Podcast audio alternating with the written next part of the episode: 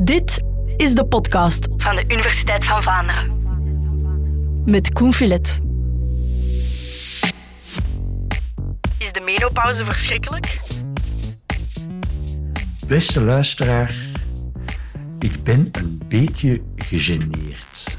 Ik zal u uitleggen waarom. Het onderwerp van deze podcastaflevering is de menopauze. En ik ben een man.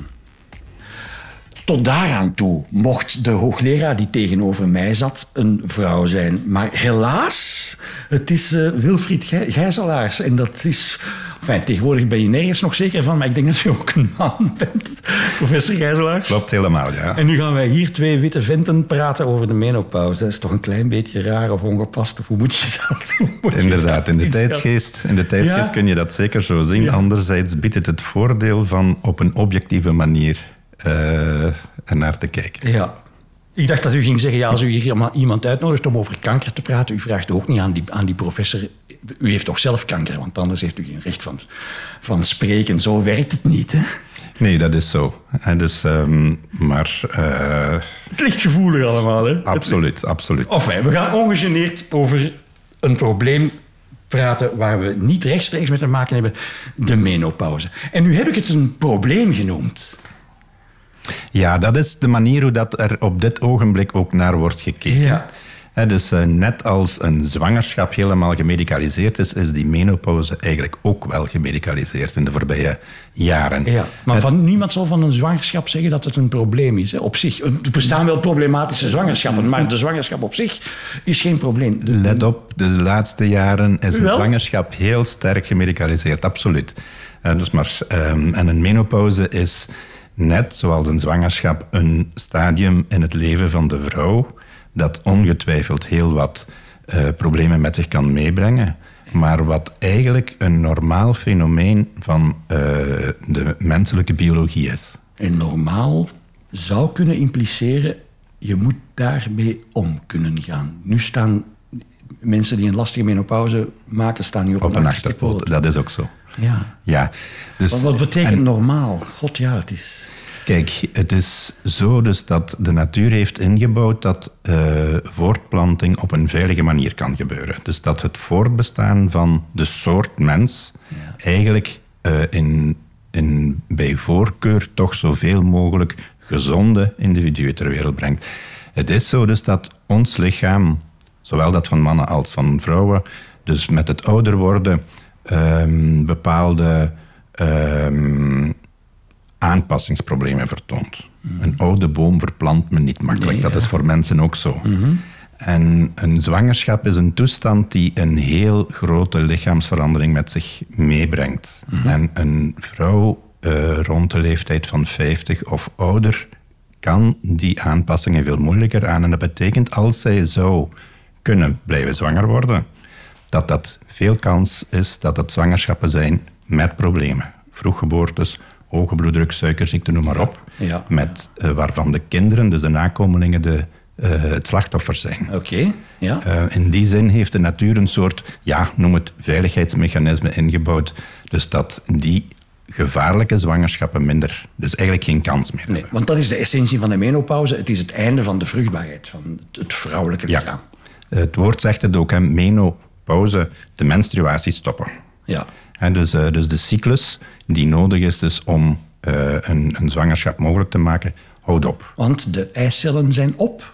Min of meer, ja. Dus, eh, Want dat is, er worden geen eicellen bijgebouwd, geloof ik. Ik Nee. geloof van je wordt geboren met een aantal eicellen. met 300.000 eicellen inderdaad Ah, ongeveer. Ja. En je hebt er ongeveer een 500-tal nodig. Dus eh 500 eisprongen, zeg maar. Ja. Dus in, in de normale reproductieve jaren. Dus, eh, maar het is als de eicellen inderdaad in aantal verminderen en onvoldoende sterk zijn om nog voldoende hormonen te maken, kom je- dan doven de eierstokken eigenlijk uit. Ja, en dat gebeurt wanneer gemiddeld? Rond de leeftijd van 50 jaar. Met welke marge? Eh, nemen een eh, plus min 2 zowat. Ja. Ah, ja, ja, zo, ja, eh, een klein vent, een Maar er zijn uitzonderingen. Ik, Ja, heb, hè? ik heb een jaar geleden nog iemand gezien, die was 58 en bleef nog dapper doormenstrueren. Dus, Ah, ja, maar het omgekeerde bestaat ook. Hè? Vrouwen die heel vroeg in een, soort van menopauze... absoluut, ja, dat kan ook, ja. Ja, en dan mag het nog zo normaal zijn en zo verdedigbaar en zo zinvol evo evolutionair als, als, als, als het wil. Ik zie het in mijn directe omgeving. Het is verdorie. Mijn vrouw noemt het de natuur is een smeerlap. Ze, Nou. ze vindt het oneerlijk, ze vindt het miserie. In C is het ook. Hè. Dus eh, in feite brengt de menopauze de vrouw in een, ehm, in een toestand van ontwenning. Dus ze is altijd eh, vertrouwd geweest met de aanwezigheid van een hoge dosis hormonen in het lichaam en die eigenlijk op heel korte tijd heel abrupt wegvallen. Het lichaam is dus ja, volledig onder controle geweest van die hormonen. Die hormonen vallen weg. Dus alle structuren in het lichaam Zijn in de merken dat. Ja. En, eh, en dat heeft dus een aantal effecten op eh, bijvoorbeeld het, het brein, de hersenen. Ehm, daar gaat het, het, ehm, het temperatuursregulerend centrum sterk gestoord raken. Zeg maar, de thermostaat is stuk. Ja, dat is het meest bekende effect van Ja. de menopauze. Hè? De vapeurs, de Ja. opflakkerende... Ja. Alsof je een koortsaanval krijgt. Ja, en dat is eh, van de een moment op de ander. Verschilt ook heel erg van vrouw tot vrouw. Alle symptomen verschillen eh, Ah, ja, heel erg. Van, ja, dus het is, het is heel individueel eigenlijk hoe dat de symptomen zich manifesteren. En maar het werkt bijvoorbeeld ook heel sterk in op emoties. Dus eh, vrouwen zijn veel meer prikkelbaar op dat ogenblik, veel meer eh, onrustig, onstabiel ehm, en, en slapen moeilijker. Hè, dus, ehm, en dat brengt op zich dan ook weer mee, die vermoeidheid komt er dan nog eens een keer bovenop. Omdat ze slecht slapen. Ja, en dus, eh, ja. Ja. ja. Ik hoor ook wel ehm, concentratie, Ja. vergeetachtigheid, dat Zeker. soort van... Ja. Dus die vapeurs, die, die, die, die kent iedereen, dat is bijna een cliché.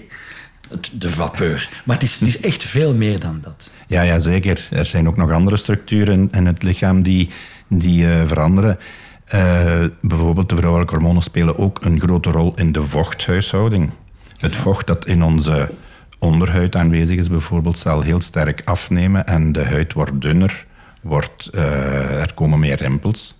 Ah, dus, ja. die, men dus, die men dus echt ook kan, kan waarnemen. Maar bijvoorbeeld ook slijmvliezen worden eh, dunner. U gaat naar die vaginale droogheid. Voilà, ja. Dus dat is een, eigenlijk een, een, een, eh, een fenomeen dus dat, dat in dat kader past. ja. Maar bijvoorbeeld ook gewrichten. Dus het vocht eh, in het kraakbeen van de gewrichten neemt af. Wat is het effect daarvan? Wel gewrichtspijnen. Reum- Reuma-achtige... Eigenlijk wel, ja. Ja, effectief. Mensen, lief ben ik blij dat ik een man ben.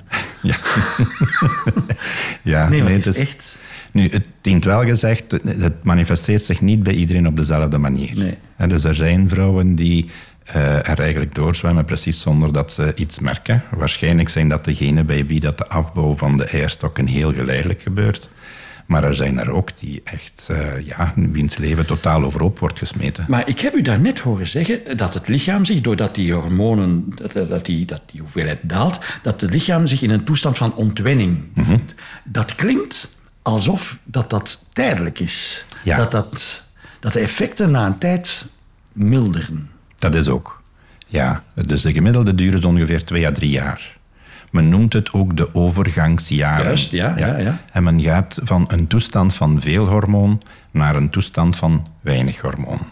En het is de overgang die lastig is, maar op zich het feit dat er geen hormonen meer zijn of minder hormonen zijn, na een tijd is dat een normaliteit en, en past het lichaam zich daar ook. En komt er terug een stabiele toestand, Ja, ja. ja. Al is die toestand anders dan voorheen. Ja, ja dat natuurlijk. Is ja. Maar wel leefbaar. Ja.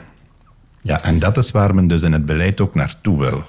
Dus eigenlijk is ehm, de, de menopauzebehandeling zeg maar, gericht op het helpen om de vrouwen eh, geleidelijk die nieuwe toestand in te leiden.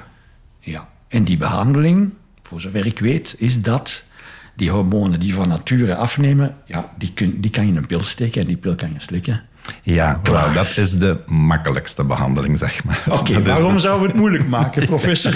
ja, nee, het is ook zo. Ehm, dus wanneer het heel abrupt gebeurt, dus dat eh, de hormonen plots wegvallen, is het logisch dus dat men Ja. ehm, daar effectief wel goede effecten eh, scoort met, met het vervangen van die weggevallen hormonen. Men noemt het ook inderdaad de substitutietherapie. En Men vervangt de hormonen die weggevallen zijn.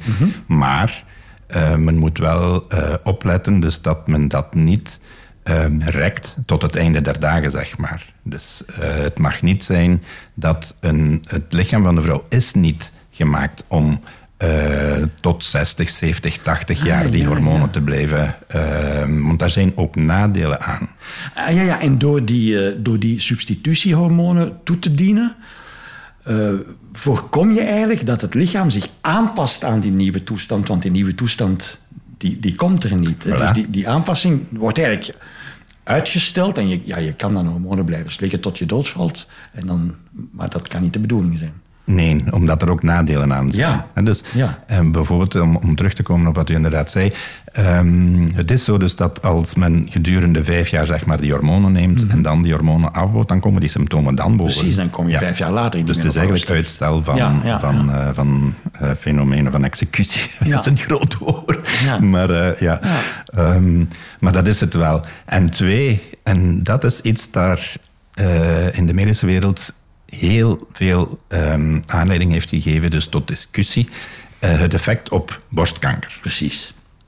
Ik, En- dacht, ik, ik dacht, daar ga ik een kritische vraag over stellen. Ik hoef die vraag zelfs niet te stellen. U begint er zelf over. Wel, Hoe zit dat in elkaar? Wel, het is dus eh, ontegensprekelijk zo dus dat de eh, hormonen ehm, bij borstkleren die in rust komen, zeg maar, hè, dus op de leeftijd van, van 50 of voorbij, dat die de kans op een borstkanker doen toenemen. En als we het concreet in cijfers uitdrukken, een Belgische vrouw heeft één kans op negen om tijdens haar leven ehm, geconfronteerd te worden met borstkanker. Dat is het wat we noemen achtergrondgemiddelde. Maar een vrouw die gedurende vijf jaar eh, in de menopauze de substitutietherapie gebruikt, krijgt een kans van 1 op 8. En een vrouw die dat 10 jaar doet, 1 op 7. Dus het is geen manifest groot effect, maar het is een effect. En het zou... En bent u daar zeker van? Of zijn er deskundigen die dat dan weer tegenspreken? Zoals je dat Hier wel is- vaak hebt in de... Hier is de- geen enkele twijfel Dat over. Dus, ehm, daar, eh, dus waar de, des- de andere deskundigen over discussiëren, Ah, is dat wordt toch men dus- ja, ja. ja, dat men op zoek gaat naar die welbepaalde groep vrouwen die misschien toch maar voordeel zou hebben. En dan stel ik mij altijd de vraag, welke rol speelt de industrie hierin? Dat die meen maar, ik. Die maar wat graag heeft dat vrouwen zo Ja. lang mogelijk die hormonensubstitutie... Absoluut, ja. Dus ehm, het was en- eigenlijk een beetje... Ik vind het nog altijd een beetje aandoenlijk hoe dat de industrie geprobeerd heeft toen de Million Women Study gepubliceerd is. Er waren een miljoen, ongeveer een miljoen eh, vrouwen in de menopauze die, die eh, hormonen namen en enfin, die vergeleken werden, hè, de, de hormooninneemsters versus de niet-gebruiksters. En men zag dus effectief een, een verschil. Dus daar is eigenlijk de, de eerste grote epidemiologische studie gepubliceerd die dat zwart op witte papier zette. Hoog risico borstkanker. Ja. ja. Dus, ehm, en het was echt aandoenlijk om te zien hoe de industrie daarop eh, sprong om te beginnen knippen in die miljoen vrouwen, om er een duizendtal te vinden die misschien voordelen hadden op dat, en een tienduizend te vinden die voordelen hadden op dat. Dus er is effectief eh, heel veel ehm, ja, lobbywerk aanwezig in, eh, in, die, in dat domein. En hoe men het draait of keert, eh, het zijn en blijven hormonen die inwerken op de borst. Ja. En de cijfers kan men niet naast zich neerleggen. Nogmaals, het zijn, we mogen niet zeggen dat iemand borstkanker krijgt omdat ze die hormonen heeft genomen. Dat is niet zo. Maar je kunt het een beetje vergelijken met onkruid in uw tuin waar je meststoffen op strooit. Dus eh, het gaat sneller wanneer u eh, de, de kiem aanwezig heeft. En wat doen we daar dan mee? Wel. Raden we dan de hormoonsubstitutie af aan onze patiënten? Wel, dat is de evolutie die op dit ogenblik in de geneeskunde bezig is en die eigenlijk wel een goede evolutie is. Hè. Dus als we historisch kijken Ja. eh, hoe Vrouwen geneeskunde... denken hier voortdurend bij, zegt een mannelijke dokter, zegt een mannelijke dokter. Ja, nee, maar zo, dat, is, dat is zo. Hè. Ja. Nee, dus vrouwen hebben zeker inspraak in een behandeling nu. En dus, en, enfin, niet alleen vrouwen, elke patiënt heeft nu veel meer inspraak in de eigen behandeling dan vroeger. Eh, men noemt dat ook shared decision making. Dus we, eh, de arts eh, vertelt aan de patiënt uit de wetenschap wat voor- en nadelen zijn van een bepaalde behandeling wel te doen, maar ook wat voor- en nadelen zijn van die behandeling niet te doen. En eigenlijk beslist de patiënt in haar omstandigheden, met haar visie en haar klachten, Ja. wat ze daarmee doet. Oké, maar wat is het alternatief? Als die patiënten nu zou zeggen, ja oké, dat risico borstkanker, ik neem dat risico niet, ik kies niet voor die hormonenbehandeling. Moet ze er dan maar mee leven, met haar menopauze? Wel, er zijn een paar alternatieven. Hè. Dus we hebben dus de, dus het eigenlijk voortdurend gaat nu over de pil. Hè, dus de, de, de farmaceutische pil. Er zijn ook uh, derivate plantenproducten. Die, um, dus planten maken ook hormonen. Ja. En dus daar regelen ze hun groei mee. Uh, maar um, sommige van die hormonen hebben, lijken heel sterk op de vrouwelijke hormonen. Ja. En kunnen eigenlijk ook bij een aantal mensen uh, die um, uh, effecten nabootsen. Ja. Het is, dat effect is niet voor iedereen gelijk. Het hangt bijvoorbeeld ook af hoe de, hoe de, uh, welke bacteriën aanwezig zijn in de darm die je nodig hebt om die plantenhormonen af te breken. Dus dat, dat speelt ook mee. En dat bepaalt de individuele gevoeligheid. Ja, ja. Maar er zijn effectief vrouwen die met die plantenproducten, dus hele zachte hormonen, zeg maar, hè, heel milde hormonen, die daarmee geholpen zijn. En wat is het effect op, de, op kans op borstkanker? Wel, en dat is dan weer het probleem van die uh, plantenproducten, die zijn minder bestudeerd. Ah ja. Dus, uh, dus, uh, dus daar kan ja. men eigenlijk moeilijk een uitspraak over maken. Wat men wel heel zeker kan stellen, is dus dat ehm, de, de, het effect van die hormonen um, milder is. Dus ze, ze, werken minder goed, wil dat zeggen? Hè? Absoluut, ja. ja. Maar voor sommige vrouwen kan het helpen. Ja, maar of het gunstiger is qua risico nee, borstkanker, dat, dat kan men eigenlijk op dit ogenblik niet besluiten. Ja, daar ben ik als patiënt dus echt niks nee, mee. Dat is waar. Ja, dat is waar. een, een ander punt, en daar bent u op dit ogenblik ook nog niks mee, maar dat, gaat, dat is vast en zeker komende. Dus de Amerikaanse FDA heeft een, um, een medicijn goedgekeurd nu voor gebruik tegen uh, opvliegers, tegen die vapeurs. Ja, ja. Dat eigenlijk een, een um, is helemaal geen hormoon. En dat is eigenlijk een, een, een, product dat in de hersenen voorkomt. En dat rechtstreeks op het temperatuurregulerend centrum ah, ja. uh, inwerkt. En dus eigenlijk op niet-hormonale basis die, um, die vapeurs tegengaat. Oké. Okay. Dus dat kan. Ja, ja. Er zijn ook bepaalde bloeddrukverlagende medicijnen die dat effect een beetje uh, ook in zekere zin hebben. die soms bij vrouwen die en menopauze en hoge bloeddruk hebben als een soort combinatietherapie. Dus die dingen bestaan wel, maar... Um... Dat is zeker zinvol, want die vapeurs, bij sommige vrouwen is dat echt niet om te lachen. Maar dat, dat is maar één van de vele problemen ja. die met de menopauze te maken ja. hebben. En daarmee kom ik terug op wat ik in het begin uh, vertelde. We proberen eigenlijk de vrouw te helpen om de overgang te maken van de toestand van veel hormoon naar weinig hormoon. Om terug in het reinen te komen met haar eigen lichaam. Is op je voeding letten, is dat, dat is altijd zinvol natuurlijk. Hè? Maar zijn er, zijn er dingen die meteen invloed hebben op de, op de menopausale klachten?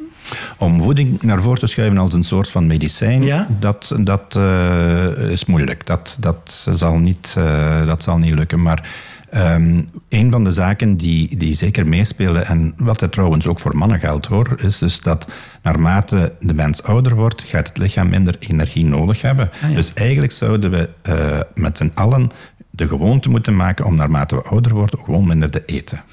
Ja, dus uh, nu, wat met de, de, het wegvallen van die hormonen meespeelt, is dus dat die lichaamsveranderingen zodanig uitgesproken zijn, dus dat ook Um, de, dus de vrouwelijke hormonen nemen in aantal af, maar de mannelijke hormonen blijven in dezelfde hoeveelheid aanwezig. In het dus, vrouwelijk lichaam. Ja. Vrouwen hebben ook mannelijke ja. hormonen. Ja, en dus eigenlijk gaan die mannelijke hormonen min of meer te zeggen krijgen, hè, dus meer te zeggen krijgen in het lichaam van de vrouw, en brengt dus ook een aantal metabole veranderingen op dat vlak met zich mee. Ook vrouwen komen na de menopauze een buikje krijgen. Ja, het is een, het is een biologisch fenomeen. Maar um, qua hoeveelheid energiestoffen zouden zowel mannen als vrouwen op oudere leeftijd de gewoonte moeten maken wat minder tot zich te nemen. Ja, zeker en vast. Maar de, de klachten die wij typisch menopausaal noemen, die gaan daar niet door nee. milderen. Um, maar als men dus, een, dus gezonde voeding is zeker altijd voor elke leeftijdsgroep ja. altijd uh, nuttig. Ja. En we komen terug op het klassieke verhaal van eh, lichaamsbeweging, gezonde voeding, hè, dus die zaken. Ja, wat, elk, wat het verhaal dat elke dokter doet Eh, voor ja. elk probleem. Voilà, ja, maar het Veel is wel... bewegen, niet roken. Ja, hè, dus, eh, maar ik heb een heel ik, wil, mooi... ik wil een doktersdiploma. Ik kan dat ook ondertussen. Ja, maar eh, ja, ik heb een heel mooi voorbeeld op dat vlak. Een, een dame die zei, ja, zegt ze, vroeger, vroeger eh, kon ik altijd gaan dansen en met die menopauze-symptomen eh, lukt me dat zo niet meer. En eh, dus dat ik eigenlijk aandrong van, doe dat nu eens terug. Ga, ga nu eens Oh, nee. expliciet. Dus met, ja, Moet ik gaan dansen En- met mijn vrouw? en het mooie is, die mevrouw komt nu, komt nu terug en die is al tien jaar eh, dansinstructor. Kijk, ik geef dit maar als een voorbeeld om, om te zeggen, er zijn dingen waar men eigenlijk vrouwen mee kan helpen om de positieve aspecten van haar lichaam toch weer terug te ervaren. Het is niet alles kommer en kwel. En sporten is daar een, een hele goede methode voor. Het is trouwens ook goed voor het ontkalken van de botten, wat een lange termijn probleem van de, eh, van de menopauze is. Ja. Maar ehm, meer op die manier, op een positieve manier terug het lichaam leren ervaren. Dokter, bestaat er ook een penopauze? Eh, mentaal twijfel ik daar niet aan. Maar dan heet dat bij de mannen meer een midlife crisis. Ja. denk ik. Dat, dat is, eh, maar hormonaal eigenlijk niet. Nee, hè, dus hormonaal is ehm, de, de cyclus van een vrouw is dus echt eh, een op- en afgaand fenomeen om Ja. telkens opnieuw die baarmoeder voor te bereiden naar een potentiële zwangerschap. Bij mannen is dat niet zo. Hè, dus de hormoonspiegel is daar min of meer constant, al neemt die eh, op oudere leeftijd wel af. Ja, Dus- maar dat gaat zo traag dat je daar makkelijker aan went? Of hoe moet ik dat dan? Het is zo traag dat men dus eigenlijk geen ontwenningssymptomen Ja, precies. Ja. En dus, ehm, We zijn een zijstraat ingeslagen, geloof ik. Hè? dit, gaat Wel. niet meer over de menopauze.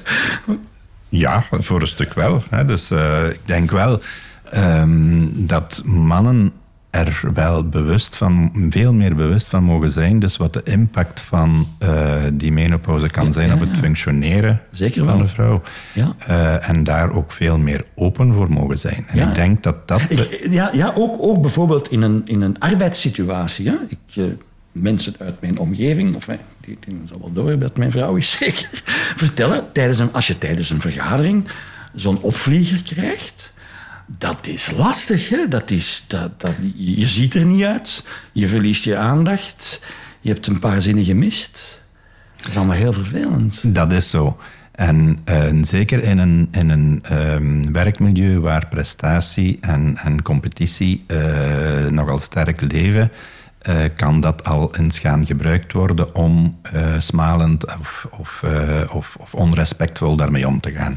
En die mentaliteit mag zeker wel veranderen. Ik voel bij sommige vrouwen ook wel een, een soort van terughoudendheid om over de menopau- menopauze te praten. Omdat dat het beeld bevestigt, dokter, van ja, vrouwen in een arbeidssituatie. Het is niet, niet alleen op, op, op vruchtbare leeftijd een probleem, want ze worden zwanger en dan zijn ze weer weg en dan moet ik die vervangen als werkgever.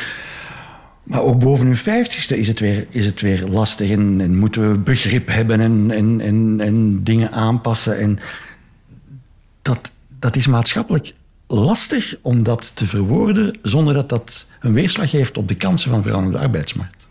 Wel, dat is wanneer we naar onze maatschappij kijken met, met de bril die we nu op dit ogenblik op hebben. Dat is de bril van de mannen. Dus draai of keer het zoals je wil, maar onze maatschappij is dus effectief gericht op competitie, op presteren en op elkaar. Eigenlijk, je kunt maar promotie maken als je beter bent dan de rest.